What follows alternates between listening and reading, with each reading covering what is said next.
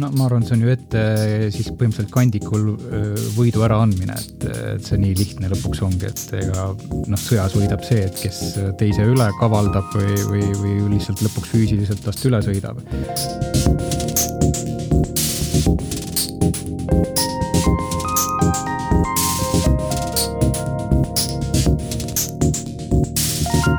tervitame teid taas Eesti Välissuhete Nõukoja taskuhäälingust siit Tallinnast EBS-i podcasti stuudiost.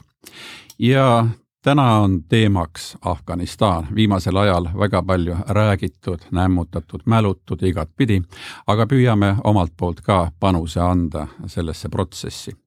stuudios on täna Celia Kuningas, Välisministeeriumi Aasia ja Vaikse ookeani piirkonna büroo direktor ning Ingvar Pärnamäe, siin eelkõige sellepärast, et ta oli Eesti kaitsenõunik Afganistanis ning lisaks veel ka selline kummaline amet nagu parlamendi küsimuste mentor Afganistani kaitseministeeriumis. mis loom see on, seda kuuleme hiljem. praegu on ta läinud riigitöölt tulusamale äh, ametile, on nüüd ühe idu, kaitsealase iduettevõtte juht. kuid mina olen Harri Tiido kuid äh, alustame tegelikult minevikust, seetõttu ma alustan Ingvarist, kuna kuna Ingvar on seal olnud, mina olen seal käinud ja praegu on palju räägitud, et kogu see protsess, see väljaõpe, see kõik osutus mõttetuks, osutus tühjaks. see ei aidanud mitte midagi. Afganistani kaitsevägi ei olnud millekski võimeline, sai kohe käigu pealt lüüa. ja ma nüüd küsingi, sa oled olnud pool aastat, oled olnud Kaitseministeeriumis ja, ja nii-öelda Afganistani kaitsejõudude vahetult nende juures ütle, mis mulje sul tol ajal jäi, vaadates seda nüüd lääne inimese pilguga, kes oli pandud neid juhendama või nõustama? jaa, et eks ta juba tegelikult tollel ajal oli äh, väga keeruline olukord ja seda oli tunda igal, igal moel ja, ja see töö üldse, kui ma vaatan ka oma karjääri senist äh, tööalaselt, see on täiesti teistsugune kui miski muu ja selle teeb just teistsuguseks see, et, et sedalaadi inimestega mul ei ole ei varem ega hiljem olnud nagu vaja koos töötada. ja, ja noh, see põhiline erinevus, kust ta ju hakkab pihta lõpuks, on äh, kultuuriline taust, mis on meil väga erinev lääne inimestel ja siis kohalikel afgaani inimestel. ja, ja noh, loomulikult see on põimitud tihedalt selle riigi ajalooga, et kust see riik tuleb, see igikestev sõda, mis juba noh, tollel ajal oli kestnud terve igaviku, kui mina seal olin aastal kaks tuhat kaheksa ja üheksa. ja, ja, ja see on äh, nagu kindlasti see raamistik, mis nagu teeb ta väga-väga teistsuguseks kohaks, kus, kus üks inimene peaks töötama ja noh, mille, milles see avaldus prakti-, prakti-, praktilises elus, ma arvan, ennekõike selles, et need meetodid, millega me oleme siin harjunud töötama ja toimima ei toimi seal absoluutselt. ja, ja see on nagu kinni väga väikestes asjades, aga noh, ma arvan, niisugune hästi üldistatult kokkuvõttes noh, võib öelda seda, et et kui me siin oleme harjunud tööd tegema hästi üldiselt sellisel moel, et me püstitame koos mingi ühise eesmärgi, leiame meetodid, kuidas sinnapoole hakata liikuma, ja siis aeg-ajalt kontrollime, et kus kaugel me oma asjadega oleme, et siis äh, Afganistanis äh, selline meetod lihtsalt ei toimi, et, et, et see, see ei ole see meetod, kuidas äh, need inimesed on harjunud mõtlema. ja ma ütleks, et kõige, kõige valusam küsimus ongi siis tänu sellele see, et kui su nii-öelda see põhiline töömeetod, et kuidas sa seda teed või kuidas sa nende inimestega suhtled, et, et, et kuidas tagada siis selles olukorras see, et see sõnum, mida sa tahad neile anda või see uus teave või uus info, mida sa tahad neile anda, et kuidas see neile kohale üldse jõuaks. sest noh, see lõpuks määrab selle efektiivsuse, et kas me olime nii-öelda nõunikena head või halvad ja mul on nagu no kes te olite siis, head või halvad? ja noh, see ongi nüüd see tegelikult see võtmeküsimus, et kas me olime siis head või halvad, et noh, ma kindlasti ütleks, et me ei olnud head äh, tervikuna, sest et me ei suutnud ennast äh, noh, ja meie, ma räägin siis hästi üldiselt lääne ühiskonnast tõenäoliselt äh, koos, et me ei suutnud ennast teha arusaadavaks, et mida me tahame nendele inimestele anda, et, et, et väga palju tuli noh, näha ekstra pingutust selle nimel, et me üldse jõuaks nagu nendelt, nende juttudeni afgaanidega, sest nad tahes-tahtmata vaatasid meid kui võõraid, kui nii-öelda inimesi, kes ei ole osa nende kultuuriruumist, keda ei tea, kas tasub usaldada ja, ja kui seda usaldust ei ole, siis, siis noh, nagu ka meil tegelikult, meie kultuuriruumis, noh, sa ei võta nagu võõra inimese nõu kuulda tingimata kohe, kui sa teda ei tea, kas saab usaldada või mitte. Läksite oma käsulaudadega võõrasse kloostrisse. aga mul on üks põhimõtteline küsimus kui Afganistani armee moodustati või kui seda ka juhiti, see oli ju tsentraliseeritud. nii nagu Lääne armeed on olemas peastaap, on olemas Kaitseministeerium ja nii edasi, ja vägesid paigutati vastavalt vajadusele, kuhu vaja, ei olnud nii, et näiteks, et kui sellest hõimust äh, värvatakse mehi, siis nad on oma hõimu territooriumil vist? jaa, ei, see ei olnud absoluutselt, et, et selles mõttes seda riiki ehitati nagu föderalistlikku riiki äh, lääne mõttes, et, et on üks Afganistan, seal on küll tohutult palju erinevaid kultuure, rahvaid, keeli, aga noh, seal nagu teadlikult nagu juurutati seda põhimõtet, et on üks Afganistan, on üks Afganistani kaitsevägi, kaitseministeerium ja nii edasi, edasi, et seal ei ole nagu vahet, oled sa tadžik, puštu ja hasaar, eks ju ja, ja, ja, ja see oli nagu selles mõttes hästi selge selline nagu noh, põhimõte, millest kõik lähtusid. nüüd noh, kas see reaalses elus ka niimoodi oli, ma julgen nagu sügavalt kahelda, sest noh, seda oli tunda seal ka kohapeal väga tugevalt, et, et ega need rahvaste omavahelised hõõrumised olid üsnagi märkimisväärsed. ja noh, lisaks isegi rahvast veel edasi minnes, siis noh, see Afganistani kultuuri eripära viib ju hästi kiirelt sinna, et noh, tegelikult nad ei tunneta enamik ennast ka isegi selle rahvakilluna, kust nad tulevad, vaid maksimaalne tasand, kust nad tulevad, on hõim. ja noh, perekond on siis see, mis on tegelikult lõpuks see kõige tähtsam äh, asi ja noh, kuidas sa paned nagu seda riiki kokku, mis koosneb miljonistest äh, hõimudest või, või perekondadest, et see on see põhiline pähkel olnud, ma arvan, kõik need aastad, et, et mismoodi seda mosaiiki kokku panna üheks tervikuks. no siin praegu tuli nüüd vastus sellele, miks kõik läks sinna, kuhu ta läks ja miks äh, Afganistani armeest ei olnudki vastast Talibanile põhjus on selles, et Afganistani armee ei ole lüüa saanud. Afganistani armee läks ära koju. see tähendab, et kui me nüüd kujutame ette Afganistani lapitekki puštud ja hasarad, puštud on sunniidid, hasarad šiidid ja puštu püha põhimõte oli see, et hasara tuleb mättasse lüüa no sarnane suhe natukene teist pisut, teis-, teistsugune pisut oli tadžikkide ja puštude vahel ja kui nüüd paigutada Hazarat Pushtu territooriumile või vastupidi, Tadžikid Pushtu territooriumile vastupidi, on selge, et kui neil oli, jõudis kätte tõehetk, palka enam ei maksta, varem istusid seal palga eest, kui palka enam ei maksta, siis minnakse lihtsalt ära. see tähendab, oli ebaloogiline arvata, et nad hakkaksid võitlema oma vaenlaste eest. ja järelikult minu arvates kogu selle loo, ma pärast küsin Celia käest, kuidas see heiastus võib-olla ka ÜRO-s, aga kogu selle loo põhiline õppetund on see, et, et Afganistan on hõimuühiskond, nagu sa ütlesid, põhiline lüli on perekond, järgmine on klann, siis on hõim ja äärmisel juhul hõimuliit, mis on ajutine, sõltub jõuvahekordadest ja alati Afganistani, kui ta on õnnelik olnud jutumärkides, see tähendab rahulik, on juhitud nõrga keskvõimuga nõrk kuningas Kabulis ja kõik otsustatakse koha peal. aga praegu oli nii, et isegi kuberneri nimetati Kabulist, mis on samuti ainus koht muide, kuhu ei nimetatud juba nõukogude ajal kuberneri Kabulist, oli Panširi org, mis ei ole ka kunagi allunud mitte ühelegi välisvaenlasele. aga nüüd tuleme ühe momendi juurde veel, te õpetasite või te püüdsite juhendada neid nagu föderaalarmeed lääneriigis ja sinu selles tööülesandes oli ka parlamendi küsimuste mentor. kas kedagi huvitas Kaitseministeeriumis ka, mida parlament arvab?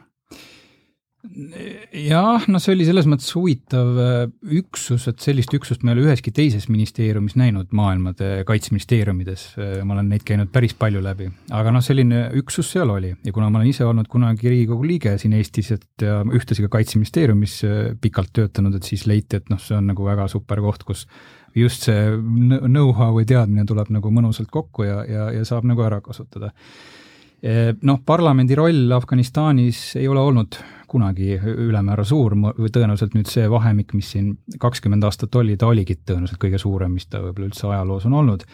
sellest, äh, sellele vaatamata noh, ma arvan, need äh, asjad, mida Afgaani parlament arutas, noh, ega need väga suurt mõju eriti ei omanud Afganistani elule, et, et okei okay,, seaduseid seal võeti vastu, see, see töö käis, aga, aga eks ikka nagu ta kipub olema, et see, see reaalne äh, täidesaatev võim noh, sõitis üle ikkagi väga tugevalt sellest parlamendi temaatikast. Ja noh, see roll, mida siis Afganistani kaitseministeeriumis see üksus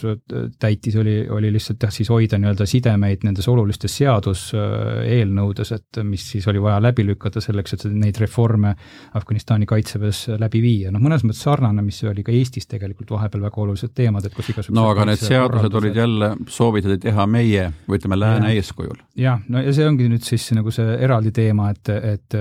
et mida aluseks võttes siis, kuidas kuidas nagu neid asju tehti ja noh, kui me vaatame, et kes üldse olid mentorid äh, nendes üksustes, selle Afganistani kaitseministeeriumis, aga ka siseministeeriumis, justiitsministeeriumis, igal pool nad olid ju tegelikult igal üksusel oli oma mentor või isegi mitu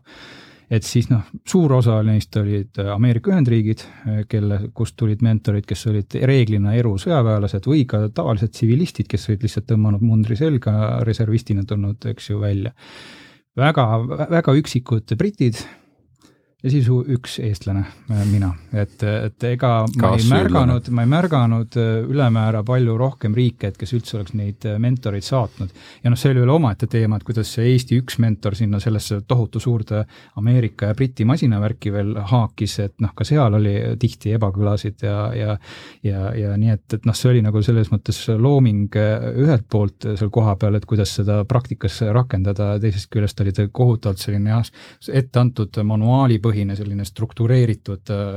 info edastamine, mis on võib-olla töötav siis, kui sul on jah, niisugune läänelik äh, ühiskond, kes on õpp-, harjunud õppima niimoodi, et loen õpiku läbi ja siis hakkan tegema, aga noh, ta ei toimi sellistes ühiskondades, kus inimesed ei oska isegi lugeda veel. ja neid inimesi oli ka Kaitseministeeriumis veel, kes ei osanud lugeda aga kas seal kõrgemad ohvitserid, kas oli arvukalt ka neid, kes olid seal juba Nõukogude Liidu kohaloleku ajal olnud, sest mina mäletan, ma kohtusin, ma isegi olen viskit joonud koos ühe Helmandi asekuberneriga, kes oli endine kommunist ja neid oli seal väga palju, kes äh, mingil määral vene keelt purssisid ja mõned olid isegi õppinud veel kuskil Nõukogude Liidus, et, äh, et Ukraina ilusaid tüdrukuid mäletati ja, ja mõned äh, oskasid ka lugu pidada alkoholist, kuigi see islamiseaduste kohaselt ei olnud väga asjakohane, aga noh, see selleks. et, et igal juhul seda erinevat nii-öelda noh, okupatsioonivägede võimu või mõju oli seal tunda, et nii sellest nõukogudeaegsest okupatsioonist kui ka, kui ka siis sellest, mida nüüd hiljem me, me lääneriikidena seal tegime, et, et see, et see kõik see niisugune kompott, kuidas seda omavahel kokku õmmelda, et noh, see ei olnud nagu lihtne ülesanne, see veel lisas nii-öelda selle ühe kihi juurde sellele rahvuse äh, hõimu perekonna ja kogu sellele problemaatistikule, nii et, et see, see ei teinud elu lihtsamaks tegelikult kindlasti no ma võtan nüüd ka Celia siia vestlusesse, et ta ei arvaks, et ainult kuulama siia toodi. aga äh, Ingvar rääkis, et äh, Eesti oli nagu noh, ainus, kes oli nii-öelda muudest riikidest kui Ameerikas ja britid välja arvatud äh, aktiivne, see tähendab selles mõttes, et oli kaitsenõunikku saatnud. samas me oleme aktiivne olnud ka ÜRO Julgeolekunõukogus. me oleme aasta algusest niinimetatud Afganistani pliiatsi hoidjad. selgita mulle kui ÜRO kaugele inimene, inimesele, et, et esiteks, mille pagana pärast meil seda vaja oli ja teiseks, mida see tähendab? jah, aitäh, no üldiselt see Afganistani teemal pliiatsi hoid tähendab seda, et Afganistani teemalised arutelud on Eesti ette valmistada ja Afganistani teema fookuses hoidmine on Eesti ülesanne, me oleme me teeme seda pliiatsihoidu koos Norraga. et kui, kui Afganistani teemal on vaja vastu võtta mõni resolutsioon või avaldus, siis üldiselt me Eesti koos Norraga peab lauale panema siis esimese drafti, mida ÜRO Julgeolekunõukogu liikmed arutama hakkavad, et noh, näiteks toimub suur terrorirünnak tütarlaste koolile, mis hiljaaegu ka aset leidis kahjuks siis äh, meie asi on koostada sel teemal hukkamõiste pressiavaldus, kooskõlastada see tekst kõigi ÜRO Julgeolekunõukogu liikmetega ja, ja siis vaadata, et see saaks võimalikult kiiresti vastu võetud. aga kes selle teksti koostab? no selle teksti füüsiliselt koostabki Eesti ja Norra. ütleme, me, me oleme kuud omavahel ära jaganud, mõni kuu on see meie ülesanne, mõni kuu on see nende ülesanne ja, ja paneme teksti noh, kõigepealt lepime omavahel kokku ja siis paneme teksti teiste ÜRO Julgeoleku liikmete ette, et no kõige üllatavam võib-olla kogu sellest kogemusest nüüd õppides on olnud see, et tegelikult ka kõige lihtsamates küsimustes täna ÜRO-s konsensuse saavutamine, kas või seesama tütarlastekooli terrorirünnaku näide, on tegelikult päris keeruline, et, et noh, see sõna otseses mõttes kõikide komade ja, ja sõnade üle tuleb nagu päris pikalt vaielda. sest ÜRO Julgeolekunõukogu liikmesriigid ei ole täna nagu ühelgi teemal praktiliselt ühtsed.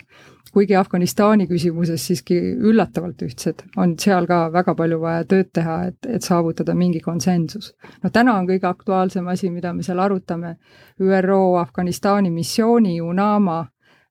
mandaadi pikendamine, see mandaat saab läbi seitseteist september. fakt on see, et olukord kohapeal on sedavõrd dünaamiline, et täna öelda, milline see, see mandaat peaks homme olema, on väga keeruline.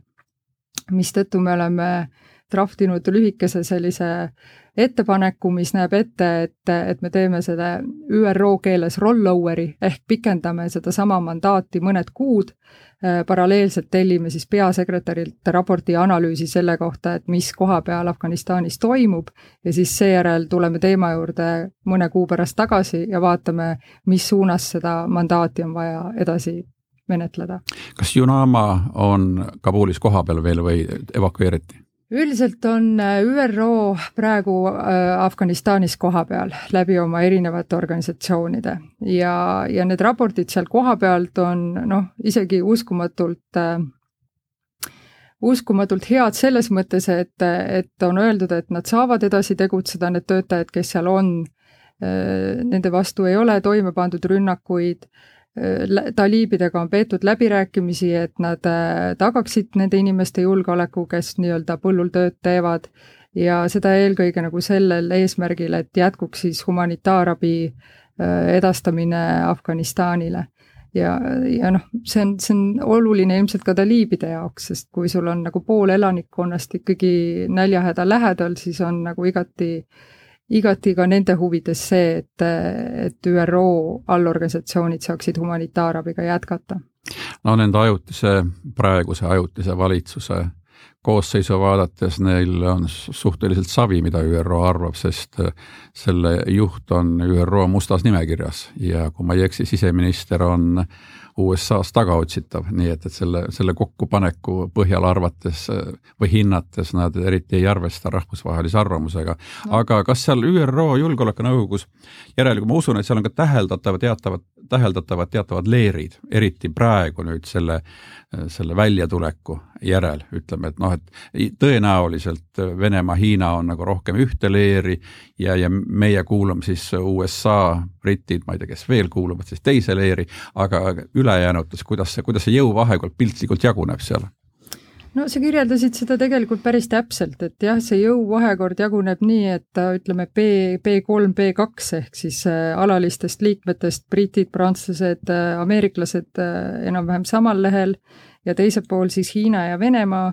kes ilmtingimata ei ole alati samal lehel, aga kes on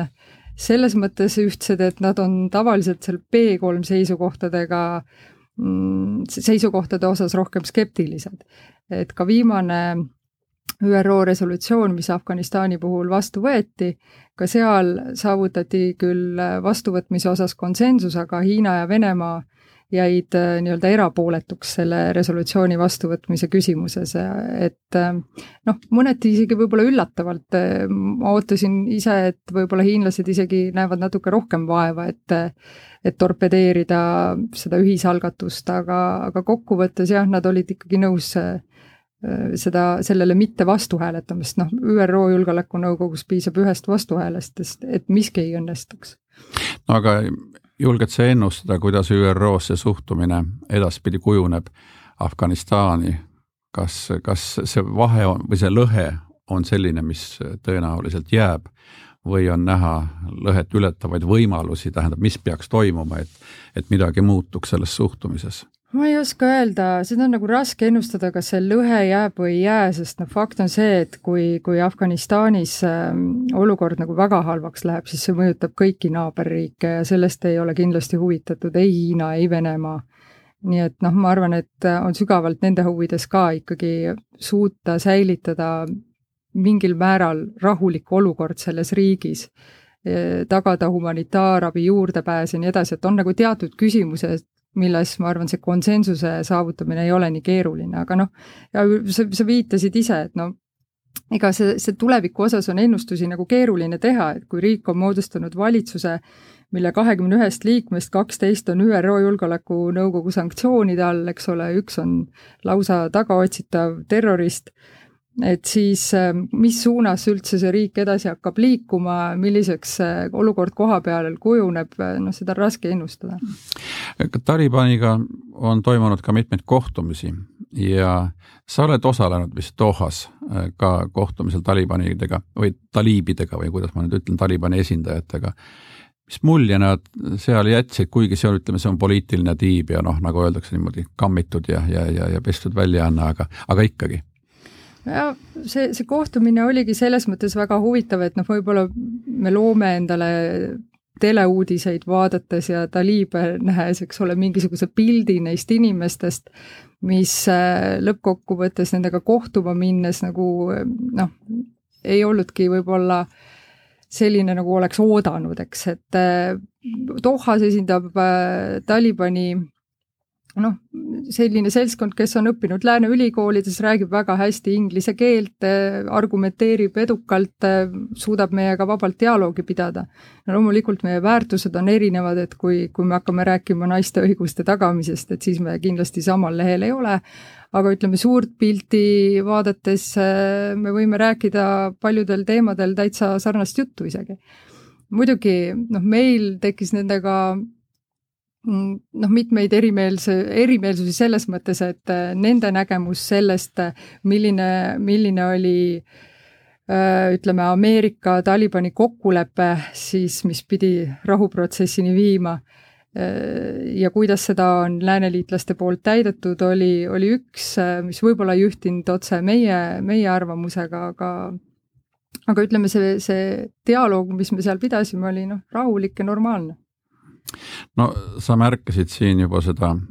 erinevat suhtumist ameeriklastega sõlmitud kokkuleppesse, kuid ma tulen korraks selle ameeriklaste otsuse juurde. kui me räägime, mis oli mis oli vale, milli, kus olid vead, siis neid on terve rida, aga äh, ma, Ingvar, küsin, küsin sinu käest nüüd endise Kaitseministeeriumi ametnikuna,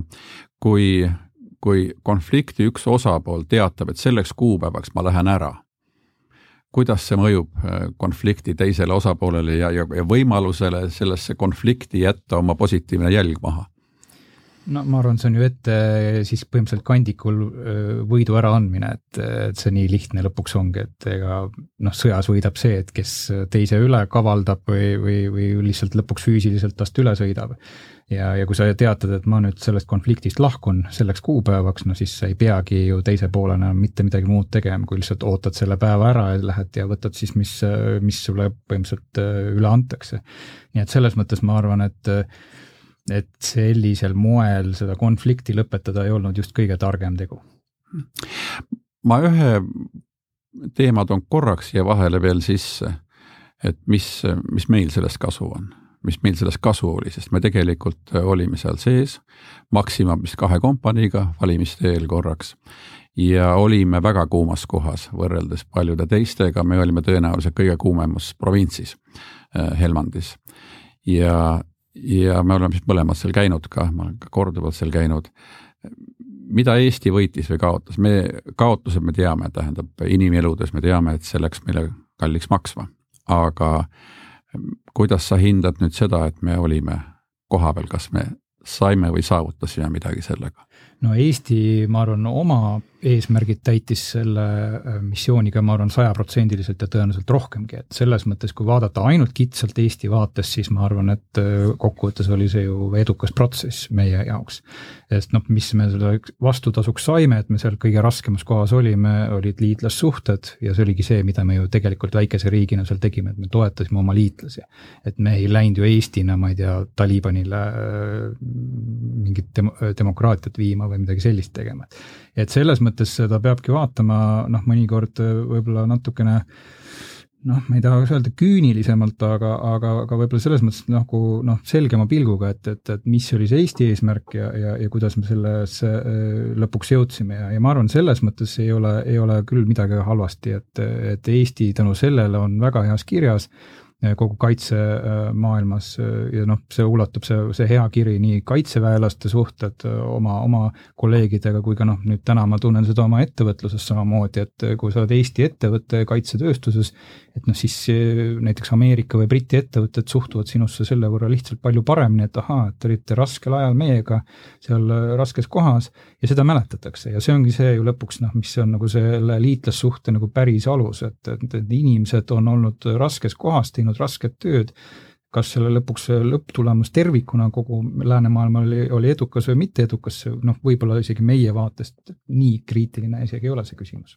selge. aga, aga võib-olla me peame vaatama nagu laiemat pilti ka, et noh, see pidevas sõjas elanud riik, eks ole, nüüd viimased kakskümmend aastat sai ikkagi näha natukene teistsugust perioodi ja mõni inimene on seda perioodi isegi hinnanud nii, et et see andis nagu natukene hingamisruumi nendele inimestele, kes selles riigis elavad.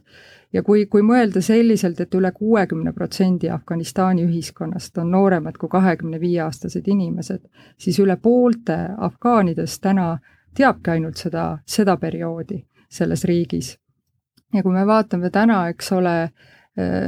Afganistani tänavatel naiste meeleavaldusi, noh siis tegelikult see näitab, et mingisugune positiivne efekt meie sealolekul on olnud. Inimesed teavad, et on olemas inimõigused, naised teavad, et ka neil on õigused ja, ja nad ei pelga nende eest seista, et ma arvan, et see on üks asi, mis võib-olla paarkümmend aastat tagasi ei oleks üldse mõeldavgi olnud, noh nüüd on muidugi iseküsimus, et kuidas sellele kõigele vastatakse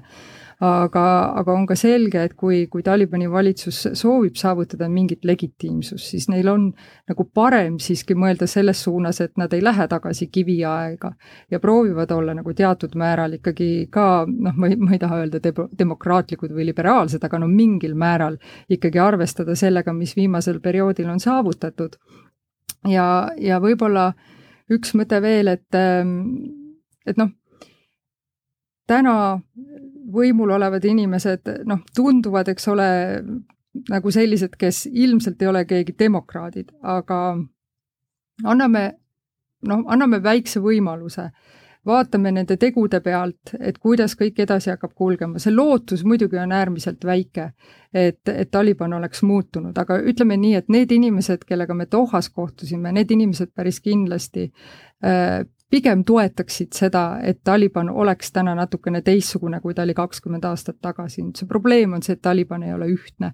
ja, ja, ja isegi, kui nende hulgas on inimesi, kes, kes võib-olla näeksid ka natukene äh, avatumat ja kaasavamat ühiskonda, siis kindlasti need, kes ütleme, põllul ja mägedes on tegutsenud, samamoodi ei mõtle. ja, ja noh, nüüd jääbki järgmisel perioodil meil, meil näha, et, et milline pool peale jääb ja, ja kui kaua see Taliban suudab ühtne olla ja kas ta saavutab oma riigis legitiimsuse ja mis suunas see riik edasi liikuma hakkab? nojah, ma olen üldiselt võrdlemisi skeptiline, aga, aga võimalus loomulikult on, me olime osa nendest, kes külvasid teatava seemne see seeme küll äh, sattus mulda valdavalt provintsikeskustes, linnades, tähendab maapiirkondades eriti palju ei muutunud, paljud võib-olla nagu ameeriklased tõdesid pärast, ma ei mäleta, kas kuut või kaheksat aastat Afganistanis olekut, kui nad mingisse külla läksid, siis esimest korda siis küsiti, kas te olete venelased. sest arvati, et endiselt Nõukogude Liidu väed on veel seal sees. ühesõnaga, see on nagu omaette küsimus, kuid tegelikult võimalus on. mis on siin üks takistav faktor Talibani puhul, Taliban on siiski äh, religioonil põhinev liikumine, aga mitte lihtsalt religioonil. see on eelkõige puštude liikumine ja see põhineb ka Paštunvaalil. see tähendab puštude äh, hõimukoodeksil, mis on vanem kui islam oma noh, tuhat aastat võib-olla vanem kui islam. ja, ja kohati on Paštunvaali isegi natukene karmim kui šaria seadused, nii et selles mõttes see on nagu vastastikku võimendavad islam ja, ja Paštunvali. selles mõttes ongi küsimus, kuidas käituvad selle osa esindajad Afganistanist, kes ei ole puštud, see tähendab tadžikid, noh, seal on natuke usbekke, hasaarad e,, kuidas käidutakse nendega, sest hasaarade eluala on päris suur tegelikult seal. ja siit me jõuame tegelikult naaberriikide juurde sest ükskõik, mida me arvame nüüd, mis seal sees toimub, aga sellel kõigel on mõju naabritele ja omakorda naabritele on mõju Afganistanis toimuvale. ja alustame Pakistanist, sest äh, Talibani ilma Pakistanita ei oleks olemas ja ilma Haqqani network'ide, Haqqani võrgustikuta, mis tegelikult siiamaani tugineb, nende baas on Pakistanis. ja kuidas te näete nüüd äh, ma küsin seda mõlema käest, Pakistani rolli, see tähendab nii ennast kui praegu hästi lühidalt, ennast me eelnevalt me üldiselt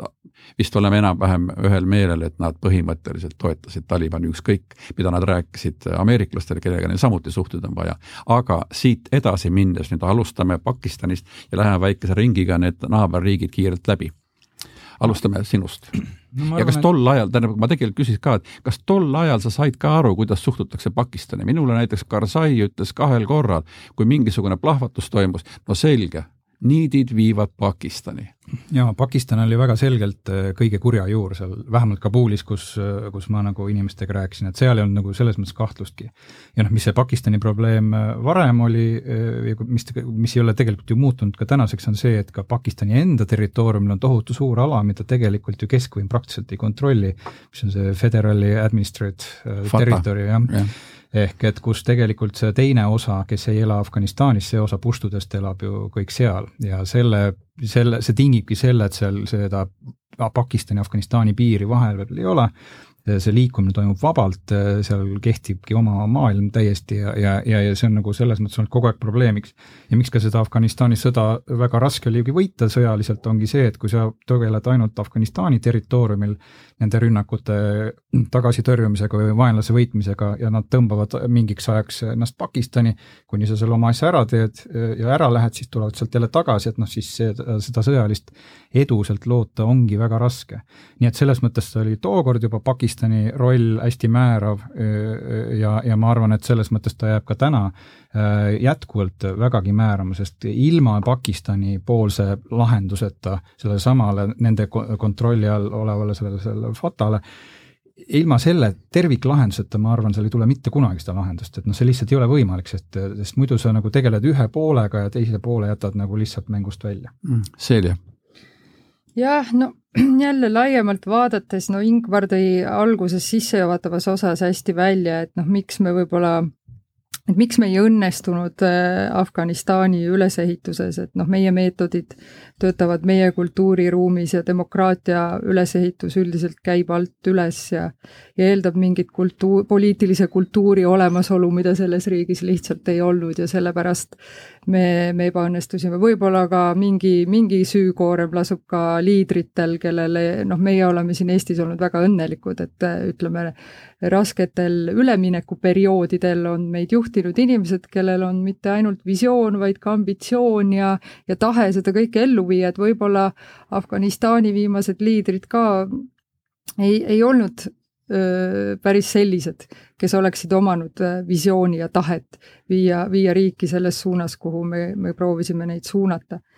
Ja, ja noh, viima-, viimane element kindlasti jah, just ongi see, miks, miks kõik ebaõnnestus, et, mitte ainult Pakistan, vaid, vaid erinevad Afganistani naabrid omasid väga erinevat nägemust sellest, millist riiki Afganistanist tuleks kujundada Pakistan mängis oma mängu, ütleme, üsna nähtavate kaartidega ja väga selgelt ja me teame, mis oli nende eesmärk ja keda nemad toetasid, aga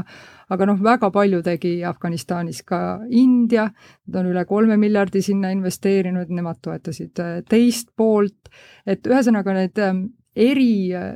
huvid ja jõud, mis selles riigis tegutsesid,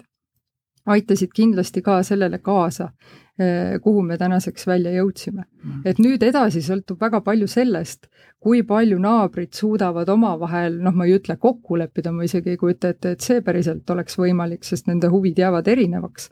aga kui palju naabrid suudavad siiski vähemalt kõige hullemat ära hoida, et, et ei algaks mingi täiemahuline kodusõda mis tooks kaasa kõik muud maailma hädad, mis kodusõjaga kaasnevad no Pakistani huvides jah, tõenäoliselt kodusõda ei ole. võib-olla lihtsalt äh, pildi selgitamiseks. Pakistani-India piir, Pakistani-Afganistani piir, mõlemad on täiesti kunstlikud, need on kunstlikud loodud moodustised Pakistani ja Afganistan ja selles on äh, üks põhilisi, põhilisi probleeme. Pakistani küsim-, teema on see, et äh, India on neile potentsiaalne vaenlane ja nad ei taha, et India mõju tugevneks Afganistanis, sellisel juhul nad oleks pihtide vahel. Lisaks äh, Ingvar juba märkis, et paštud elavad ka äh, või puštunid elavad ka Pakistani poole, seal on neid rohkem, kakskümmend viis miljonit, Afganistanis viisteist miljonit. lisaks elab Afganistanis ka Belutše ja Pakistanis on Belutšistan ning on Belutšistani separatistlik liikumine. mis tähendab, Pakistani jaoks on oht sellest, et kui puštud omavahel kokku löövad ja belutšid omavahel kokku löövad, siis Pakistanis suurt midagi peale, ma ei tea, peale pealinna vist järele ei jäägi. nii et see, see probleem on neil täiesti reaalselt olemas ja see mõjutab nende, nende tegevus, kas me tahame või ei taha. Indiat sai juba märgitud ja tegelikult on ka muide huvitav teooria. kui laheneks probleem Kashmiris, siis laheneks Afganistani küsimus. aga ma ei hakka seda teooriat siin arendama, läheme edasi ringi mööda. no ülevalt kõigepealt äh, on naabrid veel ka Kesk-Aasia riigid äh, pisut erinevad, Turkmenistan kõige vähem kaardil olnud ja kuigi tal on olemas omal ajal, kes mäletab, Kuška oli selline piiripunkt, mina mäletan seda väga hästi, kaheksakümne viiendast aastast veel. ja edasi tuleb Usbekistan, Usbekke on ka äh, Afganistanis arvestatavalt kompaktselt, võtame kas või Marshall Dostum ja tema jõud, kes olid täiesti arvestatavad. edasi, kõige suurem osa on tegelikult tadžikkidel, Tadžikistan ja tadžikid ligi kakskümmend prossa äh, Afganistani elanikkonnast ja Panširi org samuti, no Shah Massoudi poeg Ahmad Massoud on samuti kuulub tadžikkide hulka. muide, Abdullah Abdullah, kellest on korduvalt ka räägitud, on pooleldi tadžikk, pooleldi paštun. ja muide, Afgani- äh,, Tadžikistani president on ütelnud, et nad ei tunnusta Talibani muidugi me räägime seda üheksandal septembril praegu, me peame selle kuupäeva juurde panema, sest kõik võib muutuda nii ja naa. aga ennustused, kuidas see mõjutab, kuidas olukord mõjutab Kesk-Aasiat ja, ja kas nad pööravad Talibani poole või vastu? Ingvar ma arvan, et eks see oli nende jaoks väga ebameeldiv üllatus, mis nüüd seal juhtus Afganistanis, sest noh, ütleme, kuni rahvusvahelised jõud olid Afganistanis sees, siis see oli mõnes mõttes kontrolli all olev probleem nende jaoks, et nad ei pidanud nii-öelda oma lõunapiiriga nii mastaapselt tegelema. et nüüd täna see on ikkagi kõik äh, valla ja, ja see oht sealt üle valguda on väga suur ja noh, Usbekistanis on olnud siin, eks ju, islami terrorismi probleeme ju minevikus äh, samamoodi, ega ka teised ei ole sellest palju rohkem vabad Äh, kui see asi ju juhtus Tadžikistanis ju Vene väed viidi ju kohe väga kiirelt äh, Afgaani piiri äärde õppusi tegema, eks ju, et noh, näitamaks seda, et me oleme nüüd siin kohal. Ja ärge te siin mõelgegi, et, et hakkate üle jõe tulema, et Tadžikistani poole peal, et et noh, see ma arvan, nagu indikeerib seda, et, et nii korraga kui Kesk-Aasia riigid kui noh, ka Venemaa äh, nende taga kõik on üsnagi mures, et kuhu suunas see nüüd areneb, et ma arvan, noh, neil on kindlasti hea meel, et Ameerikal ei ole seal enam nii-öelda pidepunkti, eriti Venemaal, aga ma arvan, et tegelikult on nad mures, et mis nüüd edasi saab, sest ega nemad tõenäoliselt ei oska seda päris lõpuni ennustada, et mis seal saama hakkab ja kuidas see neid mõjutab. omaaegse sõjaväehuumori järgi ma mäletan, et Tadžiki ja Afganistani piiril teenimine oli Venemaa kõrgetele ohvitseridele äärmiselt igatsusväärne koht, sest üldreeglina nende temblipakikene koosnes Mersu kuuesajast. see tähendab, et kuna sealt liikusid uimastid, siis, siis liikus sealt kõvasti raha. aga see selleks, selle paneme folkloori valdkonda. Celia, kas Kesk-Aasia ka ÜRO-s esile tõuseb? Et ÜRO kontekstis Kesk-Aasia ei ole esile tõusnud, aga, aga muus osas ma ühtin ausalt öeldes kõige sellega, mis Ingvar just ütles, et no Kesk-Aasia riigid ilmselt ongi praegu kõige rohkem mures ko koos Venemaaga, kes asus kohe neid riike toetama, kui ameeriklased ja, ja liitlasväed Afganistanist väljusid, sest noh, see, see hirmutab neid ilmselt kõige rohkem, kui kui see konflikt äh, tõesti peaks äh, edasi valguma Kesk-Aasia riikidesse või, või ka kui suur migratsioonilaine äh, valgu-, tuleks Kesk-Aasia riikide suunal, sest noh, igal juhul puudutab see siis ka Venemaad, et et täpselt nagu Ingvar ütles, põhimõtteliselt ma arvan, venelased kindlasti rõõmustavad praegu, et nad saavad kasutada sellist retoorikat, et et mitte, mitte ainult meie ei saanud Afganistanis lüüa või noh, selle poole nad unustavad võib-olla üldse ära ja räägivadki hea meelega sellest, et näete nüüd siis maailma suurim sõjaline jõud sai lüüa ja pidi lahkuma. aga teisest küljest nad on selgelt mures et ütleme, kui, kui teised naabrid, Pakistan, noh, maailma suuruselt viies riik, Hiina, kõige suurem, nemad nii väga muretsema ei pea, nad kindlasti saavad äh, konfliktiga hakkama, kui see peaks valguma nende suunas. siis Kesk-Aasia riigid on üldiselt ikkagi väga vaesed ja väga sõltuvad Venemaa toetusest siis selles küsimuses ja Venemaa, nagu me teame, on aktiivne juba mitmel rindel ja kas nad suudavad ja kui, kui palju ressurssi neil on suunata veel ka Kesk-Aasia suunda, see on eraldi küsimus. no Kesk-Aasia on ka Venemaa ja Hiina konkurentsiala ja ausalt öeldes mulle tundub, et Hiina on nagu edukam pisut, sest nemad ilma pikema õiendamiseta annavad pappi ja ja eriti palju mingeid muid tingimusi ei esita. aga kuna Hiina juba oli jutuks, mis te arvate, mis te arvate Hiina rollist, seal on see käsivarras, mis ulatub, kus tegelikult elavad kirgiisid selles käsivarras, mis ulatub Hiinani, Afganistani kirdeosa siis üleval, aga mida Hiina tegevust arvata? Kui ma olin seal kaks tuhat kaheksa, üheksa juba siis oli väga selgelt äh, näha Hiina mõjujõudu igal pool ja mida nad tegid tol korral juba, noh ja mitte ainult Afganistanis, vaid igal pool, oli majanduslike, majanduslike sidemete edendamine siis nende riigi ja, ja Afganistani vahel ja põhiliselt see Afganistanis avaldus kaevandustes, et noh, see on hästi loodusvarade rikas riik, seal on põhimõtteliselt kogu Mendelejevi tabel olemas, et äh, mine võta ja kaeva. ja mida juba tol ajal Hiina väga tugevalt tegi, oli ostis neid kaevandusi järjest kas üles päris omandusse või, või siis vähemalt kaevandusõigusi. ja, ja, ja no ma arvan, et selles mõttes hiinlased on sellised väga pragmaatilised inimesed, ma arvan, et vaatavad, et, et vahet pole, et kes seal Kabulis täpselt võimul on, et kuniks nemad saavad nagu edendada neid suhteid ja läbi selle nii-öelda esitada oma tingimusi sellele riigile, siis ma arvan, et nad on nagu igati rahul oma positsiooniga. Äh, Selja jah, jälle ma olen nõus sellega, mis Ingvar räägib, et äh, hiinlased on väga pragmaatilised inimesed ja kindlasti nende esimene huvi on majanduskoostöö, aga isegi võib-olla mitte nii väga koostöö, vaid võimalus seal tegutseda ja tõesti nii palju välja kaevata, kui, kui vähegi võimalik, aga selle eelduseks üldiselt on rahu Afganistanis. nii et hiinlaste huvides peaks ka olema see, et äh, Afganistanis siiski suurem konflikt ei, ei puhke, praegult oma tänases retoorikas on nad üldiselt olnud äh, taliibide suhtes äh, noh, ütleme väga toetavad. Äh, ma ei, ma ei julgeks öelda, et lausa nüüd positiivselt meelestatud, aga, aga toetavad, nad on kutsunud üles nendega dialoogi pidama, suhtlema ja, ja noh, eks see näitab ka, eks ole, siis Hiina ambitsioonid ära, et soovivad teha pragmaatilist koostööd no ma veel lisaks veel juurde ühe valdkonnana, et mis on võib-olla natuke erinev sellest, mis oli aastal kaks tuhat kaheksa, et noh, täna on äh, Hiina ka juhtiv jõud finantsmaailmas, et noh, et kui siin oli vahepeal ju see, et kaard, kaardimaksed üldse pangandussüsteemi Afganistanis ju läks korraks lukku, et, et siis olid väga kiiresti hiinlased tulemas ja pakkumas oma teenuseid, oma laene ja asju, et, et noh, eks see on ju selles mõttes ka nähtav mudel igal pool maailmas, kuidas Hiina tegutseb, et annad laenu ja läbi selle ostad seda mõjujõudu ja noh, see on see taktika, mida seal nüüd, ma arvan, väga kiiresti asuti ka täitma, seda tühimikku, et kui lääs tõmbas jällegi välja, et me tuleme oma rahaga teatud väga kalli intressiga ja muude tingimustega oleme nõus seda teile kohe pakkuma, nii et noh, näis, et kuidas see Taliban ise tegelikult suhtub sellistesse asjadesse, sest ega, ega lõpuks ka nendel on küsimus, et kuidas nad rahastavad kogu seda oma, oma valitsemist ja kui nad on ülejäänud maailma sanktsioonide all,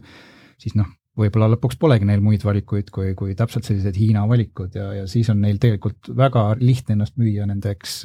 nende mõjusfääri ära ja Hiina on oma pehme jõuga juba alustanud, et nad on juba teinud äh, avalduse, et nad saadavad Afganistani suunas suure laadungi humanitaarabi ja, ja Covid vaktsiini. No Hiina üks suur huvi on tegelikult vältida uiguuride toetamist Talibani poolt, see tähendab nii-öelda jutumärkides islami radikalismi äh, mõjutamist või, või toetamist Afganistani poolt, kuna uiguure, uiguuri separatiste on olnud Afganistanis ja on kindlasti ka siiani. Taliban seni on lubanud, aga noh, küsimus, mida maksab Talibani, Talibani lubadus. üks riik on veel lääne poole, kui me vaatame, siis on seal Iraan. mida te Iraani rollist ja, ja arvamustest arvate? no Iraan on seotud väga suure osa äh, Afganistaniga läbi kultuuriruumi ja keele, et noh, taari keelt rääkivad tadžikid Afganistanis on ju nendega selles mõttes suguluses, otseses mõttes, lõpuks on nii-öelda Pärsia kultuur laiemas mõttes. nii et selles mõttes Iraani mõju on, on suur ja, ja ma arvan, et noh, eriti seal lääne osas, kus ta jääb juba Pakistanist nagu kaugemale ja ka Kesk-Aasiast kaugemale, et noh, seal on ta veel eriti suur, nii et, et ja ma arvan, et, et Iraan kindlasti oma seda nii-öelda mõju seal ei jäta tähelepanuta, arvestades ka neid üldiseid arenguid, mis, mis näiteks neil läänemaailmaga seoses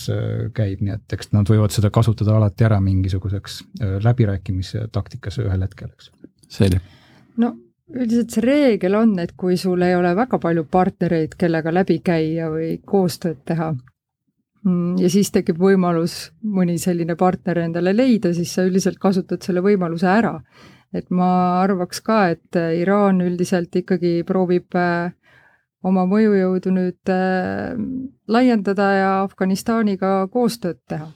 kindlasti see ei saa olema ka väga lihtne, eks. sest eks neil on ka oma, omad teemad Talibaniga seoses, aga, aga ma, ma arvan, et millegipärast nad siiski näevad seda praegu lääne lahkumist ikkagi nagu ka tühimikuna, mida nad saavad mhm. täita. no Iraanil on tegelikult nagu kaks huvi, üks on selline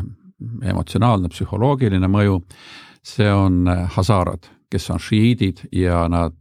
soovivad, et Taliban lõpetaks šiitide tapmise tähendab, Hazarad tegelikult, nad olid kogu aeg selles ohus, et nad Bushude käest, nagu öeldakse, pandi seina äärde. teine ja isegi tähtsam on, on iseenesest midagi, mis kulgeb läbi Helmandi. see on Helmandi jõgi. Lõuna-Iraan on äärmiselt kuiv ja nende veevarustus praktiliselt tuleb kahest veest, mis mõlemad tulevad Afganistanist ja, ja Helmandi jõele on ehitatud ka mitu tammi.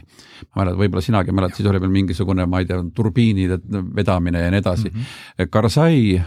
ilmselt küll venna kaudu sa olevat saanud Iraanilt äh, üsna sui, suuri makseid selleks, et need elektrijaamad tööle ei hakkaks, see tähendab, et tammid ei peataks vett. Äh, Ashraf Ghani pani tammid tööle ja seejärel on küsimus, on küsitud, kuidas oli võimalik, et Iraan lubas läbi oma territooriumi talibi, talibide, Talibani üksustel minna Heratis olevate vägede selja taha. põhjus oli väga lihtne, kui Taliban sai enda kontrolli alla Helmandi provintsi ja Helmandi jõe tammid, siis ta avas tambid, see tähendab kokkuleppel Iraaniga, tegelikult see näitab veel kord, kuigi ühel pool on šunni-, šiiidid, teisel pool sunniidid, kes omavahel taplevad, kui on küsimus elulises vees, siis jõuti kokkuleppele, mõlemal oli oma huvi, nii et ma arvan, et Iraani huvides on endiselt see, et neil oleks ka see veevarustus, järelikult noh, nad, nad on kindlasti kohapeal tegurid. aga lõpetuseks, hakkame otsi kokku tõmbama. paar teemat veel, kogu see majanduslik värk. praegu on on üks, üks majandusharu, mis on kogu aeg toiminud äh, Afganistanis, see on uimastimajandus. see on krediit, tootmine, kokkuost, töötlemine, väljavedu, kõik on olemas ja kuigi Taliban eelmine kord võimule tulles keelas ära uimastikaubanduses, siis tasub meenutada, et nad eelnevalt panid laod täis ja siis keelasid uimastikaubanduse ära, mistõttu uimasti tooraine hind hüppas lakke, kümnekordistus ja Taliban hakkas siis ladudes müüma, tähendab, tegelikult on väga turumajanduslik organisatsioon. mida te arvate, millised üldse, kas, kas teie näete või kas on ka kuskil jutuks olnud, mis oleksid Afganistani majanduslikud väljavaated, et noh, kuna riik ei saa eksisteerida ainult abist, ta peab millelegi tuginema ma ei tea, kumb sinna soovib no,? no ma arvan, et üks ongi see, millele siin varem, varasemalt sai viidatud, kaevandused. et kui sul on kogu Mendelejevi tabel, tabeli jagu erinevaid maavarasid, minu meelest on erinevatel hinnangutel neid seal umbes triljoni dollari väärtuses. isegi rohkem, jah. siis see on, siis see on kindlasti üks, millele sa saad oma majanduse üles ehitada mis no selleks on vaja rahu? selleks on vaja rahu ja selleks on vaja investoreid ja selleks on vaja mm -hmm. kaevureid, ma arvan, et Hiinal on kõik need asjad olemas võib-olla rahu tuleb laiemalt vaadata, aga, aga nii investorid kui kaevurid, hiinlased kindlasti on võimelised leidma väga kiiresti. et noh, see võib olla üks pool, mis muidugi mina, ma arvan, ei, ei tähenda seda, et see moonikasvatus seal päriselt ära kaoks, kui midagi on ikka nii sügavalt kultuuriruumi osa, siis siis võib kahtlustada, eriti kuna on ju nõudlust, eks ole, alati nende asjade osas, mille puhul nõudlus ära ei kao, ei kao tavaliselt ära ka pakkumine no neid moonivälju ma olen ise näinud äh, helikopteriga üle Helmandi lennates, et väga ilusad vaadata ja noh, mida ta räägib, äh, on see, et, et see on osa sellest maast, et noh, midagi teha ei ole. et ka kõige, kõige rahulikumatel perioodidel, kui siin võib-olla kahe tuhandendate lõpupoole või teises pooles oli võrdlemisi rahulik see olukord seal, et siis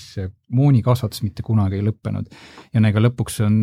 noh, see olukord ju, ju, ju lihtne, et miks see nii on, et kui see talupoeg seal Helmandis on sugupõlvi kogu aeg pidanud seda moonipõldu ja tal ei ole tegelikult nii-öelda alternatiivi, mida muud seal kasvatada, noh siis, siis, siis see lihtsalt nii on ja, ja mitte midagi teha seal ei ole, et kuni, ma mäletan, et kui ma seal olin kohapeal kaks tuhat kaheksa, üheksa, siis oli jutuks, et noh, proovime pakkuda mingisuguseid teisi põllumajandussaadusi, mida võiks kasvatada, ma ei tea, safranist oli näiteks jutt, et on safran Helmar... läks tööle, Heratis. no vot, äh, aga noh, ütleme, et et ilmselgelt seal tõenäoliselt oligi edusamme, aga noh, et kas see nüüd nagu tervenisti nagu pühkis nagu minema, eks ju, selle moonikasvatuse, et noh, ei, seda ju ei juhtunud, nii et et eks seal peabki lõpuks nagu vaatama seda, et kui kui kes iganes on nagu võimul Kabulis ja tegelikult ju noh, selle Helmandi talupojani tema võim ju praktiliselt kunagi ei ulatu, siis noh, see talupoeg elab ikka nii, nagu seal sajandeid on elatud. ja noh, ma arvan, et nüüd Talibani enda juurde tulles, et noh, siis tegelikult ega neid ei huvita, ma arvan ka see Helmandi talupoeg karvavõrdki, et neid huvitab ikkagi lõpuks ainult enda võimul püsimine ja selle rahastamine. ja nüüd on nagu lihtsalt, ongi, ma arvan, selline praktika küsimus või praktiliste valikute küsimus, et mis sul laual on ja ma arvan, et kui uimastid selleks sobivad, siis noh, ma arvan täpselt, et noh, seal võib isegi retoorikas kasutada mis iganes ilusaid väljendeid, et kuidas me seda keelame ja islamiseadused ei luba, aga kui see on sinu ainuke valik, siis ma arvan, see läheb kaubaks, noh lisaks siis võib-olla jah, võtavad veel Hiinast natukene laenu juurde ja, ja, ja, ja niimoodi see rõõmsalt jätkub, et mina nagu selles mõttes ei prognoosi küll kuskilt otsast majanduslikult Afganistan nüüd paremaks hakkaks minema, et noh, ma arvan pigem see, et nad panevad ennast isolatsiooni muust maailmast, see pigem halvendab seda olukorda veelgi no Talibanil on see protsendi saamine uimastikasvatused sisse töötatud värk, nii et see võib tõesti edasi minna. tegelikult seal mõningaid variante on, on juba pikad projektid või pikaaegsed projektid, mis ei ole teostunud julgeoleku olukorra tõttu. see on TAPi, tähendab äh, gaasijuhe Turkmenistanist Indiasse, äh, raudtee Usbekistanist äh, Pakistani lõunaosa sadamatesse, aga noh, need ei saa ilmselt teostuma. mis puutub maavarasid, siis ma ütleksin ühe asja siin ära, et seal on ka neid haruldasi muldmetalle ja need muutuvad üha kriitilisemaks. Nende varud on piiratud Hiin,. Hiina, Vietnam teataval määral, USA, mingil määral Aafrika ja Aafrikas me näeme juba Venemaa ja Hiina konkurentsi nende pärast ja muide ei jäta meenutamata, mida ma olen mitmetes, mitmed kordaid juba teinud, neid haruldase muldmetalle peaks olema ka Skandinaavia pangas või platvormis, millele kuulub, mis asu, millel asume ka meie. näiteks Soomes mõningaid juba toodetakse ja uuritakse võimalusi. meil on see nii-öelda vaikne teema, aga tegelikult oleks mõtet uurida, sest need muutuvad kriitiliselt tähtsaks sellepärast, et tänapäeva elektroonika ilma ei, ei toimi lihtsalt. aga nüüd lõpuks hästi lühikene vastus küsimusele, millal uuesti tuleb sisse minna Afganistani, kas ameeriklastega koos või ilma või nemad ilma meieta? Ja kas? ma kardan, et äh, sellest ei pääse, nüüd kui kiiresti see juhtub, on nüüd täiesti teist, teine teema ja see sõltub hästi palju sellest, mida tänane Talibani valitsus tegema hakkab ja kui äh, kui räigelt nad hakkavad nii-öelda rahvusvahelisele õigusele ja, ja, ja nii-öelda äh, kultuuritunnetusele vastu, et, et kui nad on mõõdukad, nii kui, nagu nad on lubanud, siis ma usun, et see võib pikemalt kesta, et nad seal rõõmsalt võimul on. kui nad ikkagi pöörduvad selle juurde tagasi, mida nad tegid üheksakümnendatel, siis ma arvan, et tegelikult see ei ole väga pikk hetk, kus rahvusvaheline kogukond on valiku või noh, raskete valikute ees, et mida sellega teha selge. no ma tahaks muidugi loota, tahaks olla optimist ja lootus sureb ju viimasena, et, et see, seda hetke ei tule, aga muidugi noh, kõike seda olukorda hinnates see lootus on kaunis väike. samas sellele sisseminemisele on ju ka alternatiive, eks ole, õhurünnakud ja kõik muu, mida tänapäeval riigid on võimelised sooritama, eks et ma ausalt öeldes ei näe praegu ka väga suurt valmisolekut seda teemat uuesti NATO-s lauale panna selles võtmes, et hakkame nüüd tagasi sisse minema, eriti arvestades, kuidas me sealt just välja tulime. Nojah, distantsi pealt õhulöökide andmine natukene raske, sest lennukikandjad äh, lõuna poolt üle Pakistani territooriumi oleks kõige lähem, aga lennukikandjalt startivad lennukid on piiratud äh, lennukaugusega, mis tähendab õhus tankimist ja muid probleeme. ma arvan, et kui Taliban läheb oma vanade kommete juurde, siis rahvusvaheline äh, üldsus äh, mõistab karmilt hukka ja korduvalt ja kümneid kordi ja virila naeratusega aktsepteerib seda. küll aga ma arvan, et kui sealt lähtub terrorirühmitusi, siis võib juhtuda see, et uuesti minnakse sisse, see tähendab, on taas vaja sellist ühte tugevat emotsionaalset ajendit, mis õigustab sissemineku mingil moel või vähemalt õigustab koostöö naaberriikidega, et nende territooriumilt seda, seda operatsiooni läbi viia. aga ma arvan, et me kõik jõuame seda näha lähemate aastakümnete jooksul, kui me kõik hoolikalt jälgime, mis Afganistanis toimub. nii et täname Celia ja Ingvar ja täname ka kuulajaid kuni järgmise taskuhäälinguni, mis taskus ma veel ei tea.